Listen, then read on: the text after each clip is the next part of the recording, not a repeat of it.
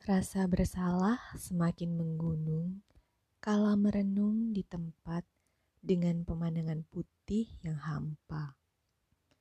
Dari balik jendela hanya ada hamparan awan hambar yang terasa tidak penting. Cakrawala berlapis tak lagi terasa indah. Terpaksa ku teruskan perjalanan pulang ini tanpanya. Ku yakin ia baik-baik saja karena dia meninggalkan hotel itu sendiri dan dengan sengaja. Penerbangan kali ini terasa begitu berbeda dengan penerbangan sebelumnya. Dinginnya AC, kurasakan sendiri. Aku melirik ke samping.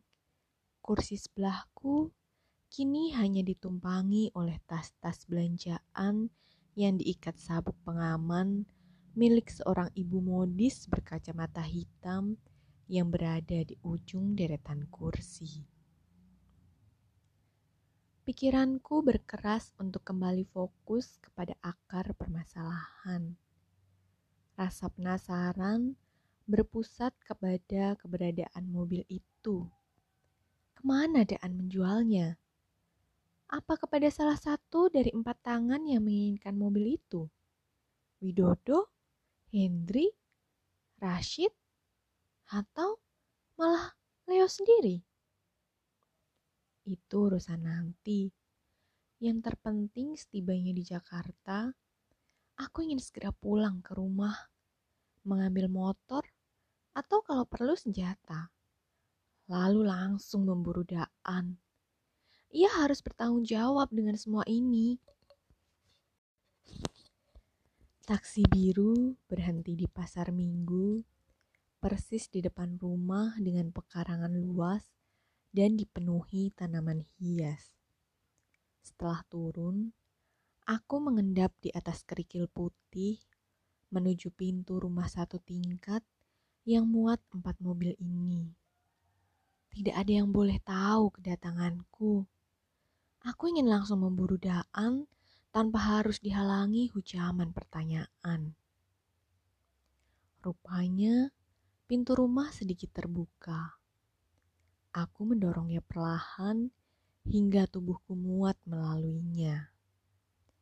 Saat tubuhku masuk ke dalam dengan sempurna, sekali lagi aku disambut sebuah kejutan yang luar biasa.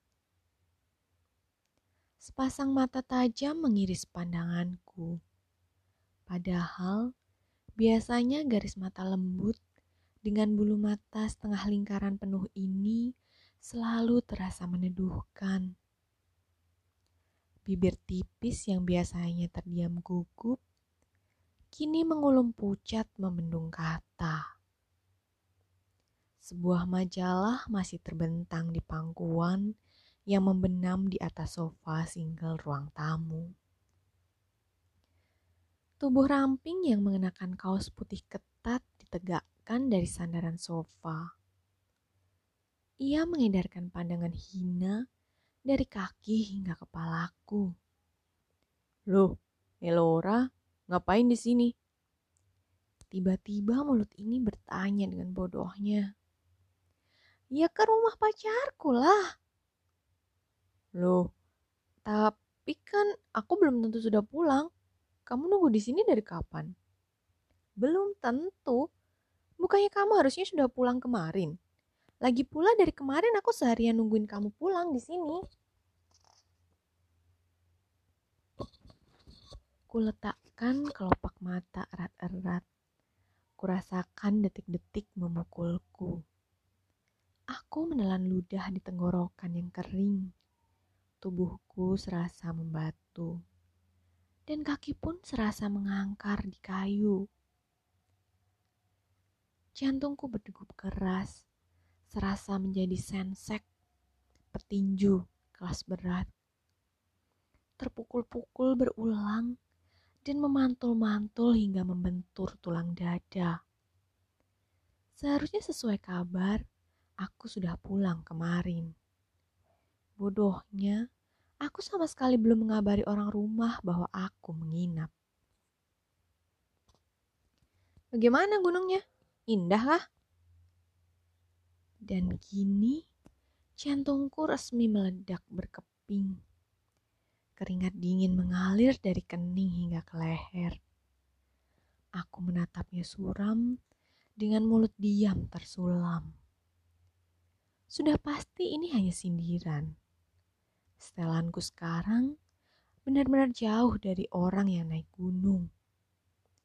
Kemeja rapi yang terkancing penuh, celana jeans dalam, sepatu kulit kasual yang masih mengilap. Elora menghela nafas lemas ibumu lebih khawatir. Tapi sudah aku beritahu kalau kamu extend naik gunung lebih lama. Pandanganku teralih menjauh ke dalam ruang makan. Ibu memang tampak mondar-mandir membawa mangkuk sup, sibuk menyiapkan makanan seolah tiada yang dikhawatirkan. Bahkan instingnya belum menyadari kehadiran anaknya di rumah. Mendingan kamu ganti baju rumah sekarang atau ganti baju climber. Lagian, kalau izin naik gunung itu jangan cuma dua hari. Mana ada orang naik gunung cuma dua hari? Ke Gunung Cisarua kali.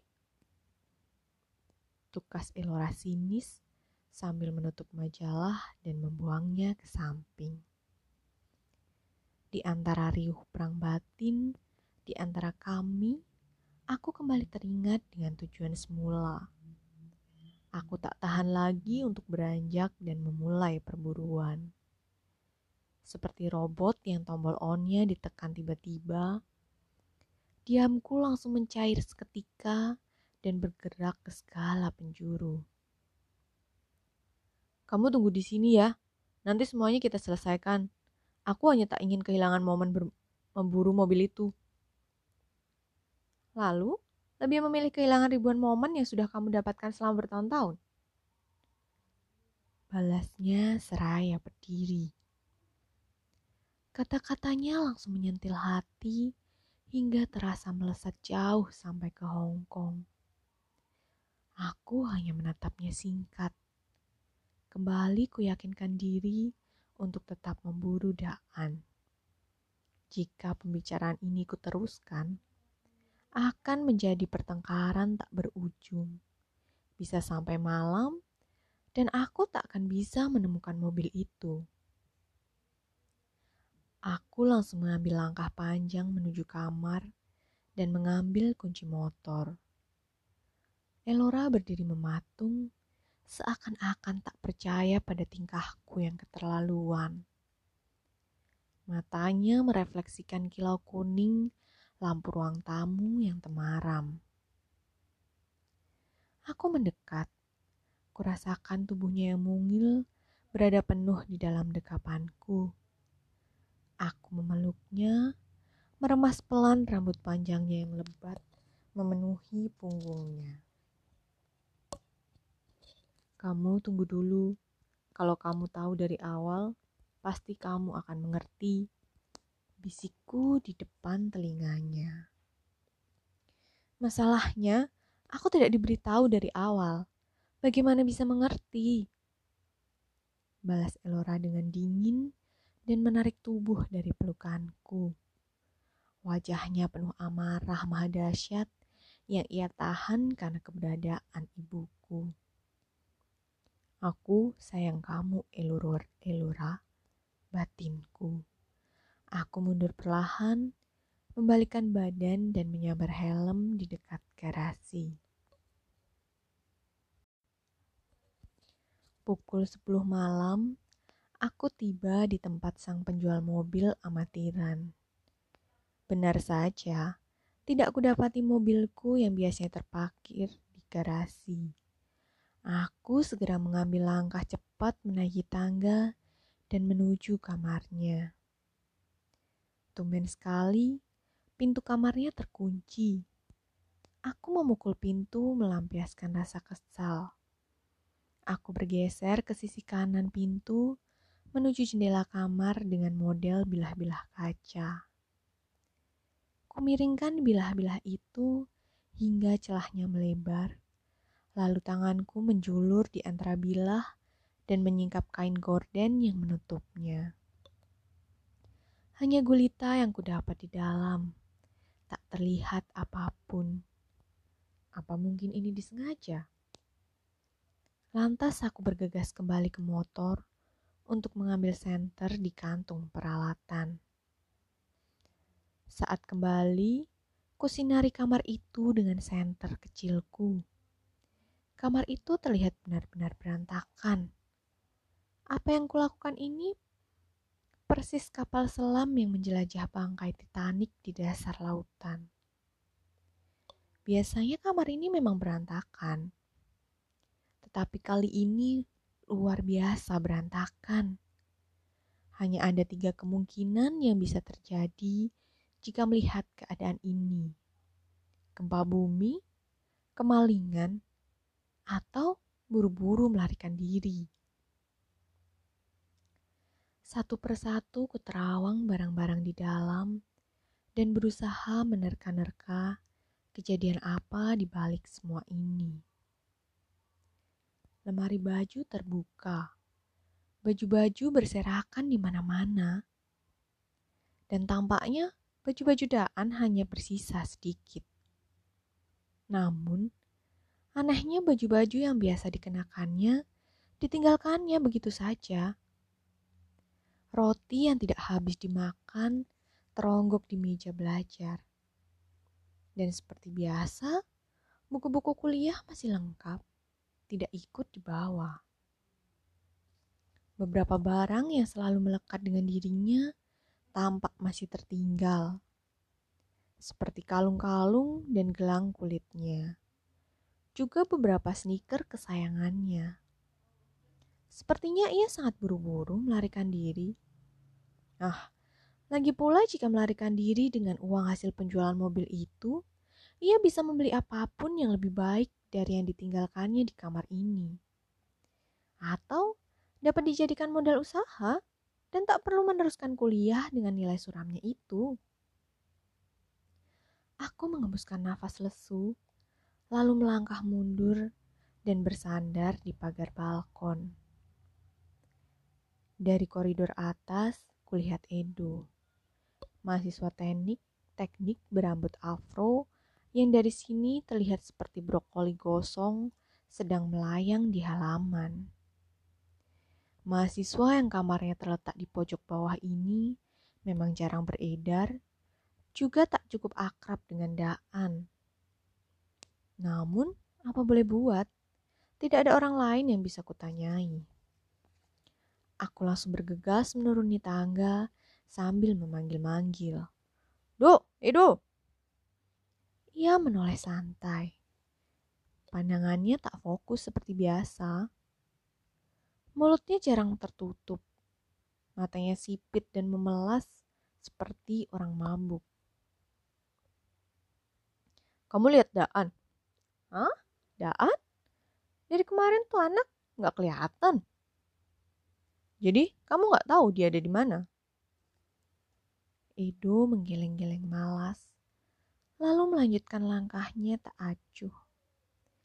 Aku berkaca pinggang, menoleh ke kanan dan ke kiri.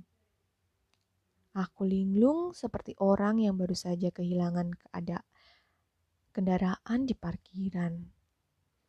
Tak seperti biasanya, indekos ini sangat sepi. Tidak kudapati penghuni lain selain Edo. Banyak sekali kamar yang lampunya tak dinyalakan. Ini tak lazim. Apa yang sebenarnya terjadi? Apa satu indekos ini telah bersekongkol dengan Daan?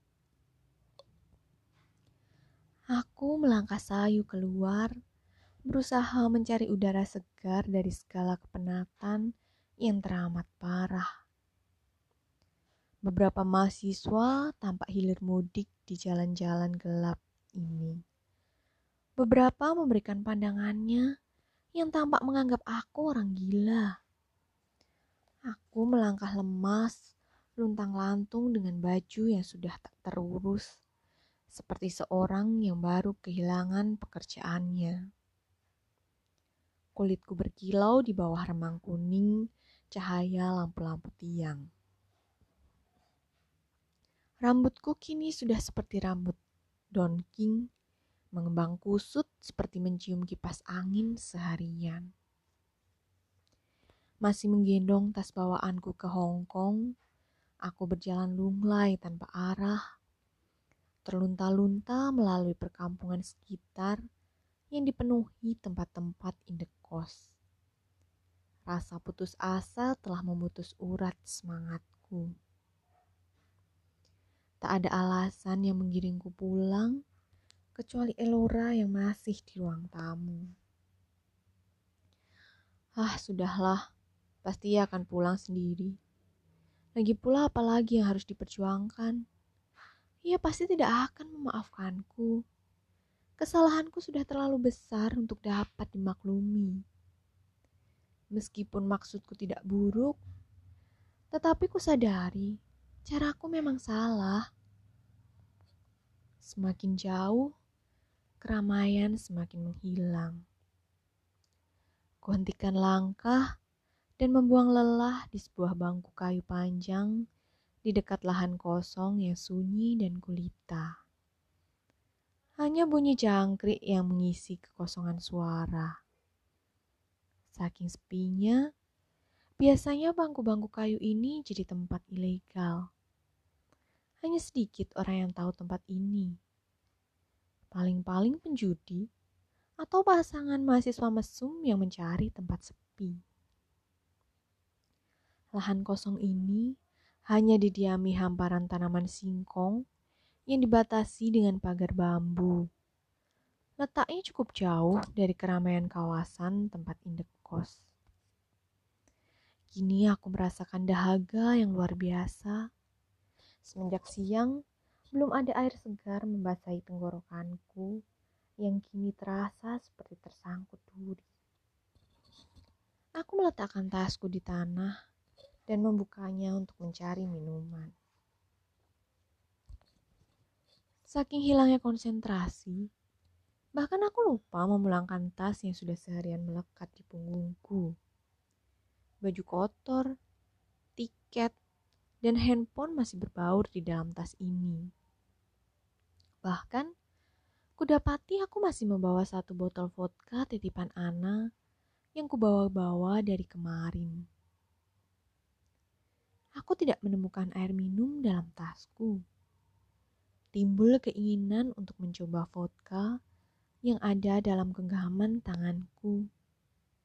Seumur umur, minuman ini belum pernah kurasakan. Biasanya paling berat, aku hanya meminum bir dan tua. Lagi pula, vodka ini warnanya bening. Anggap saja ini air mineral. Tinggal menutup hidung, dahaga akan hilang tanpa rasa. Tegukan pertama, rasanya sungguh tengik dan tidak enak. Rasa dan aromanya menyengat hingga terasa membakar hidung. Mirip alkohol pembersih luka.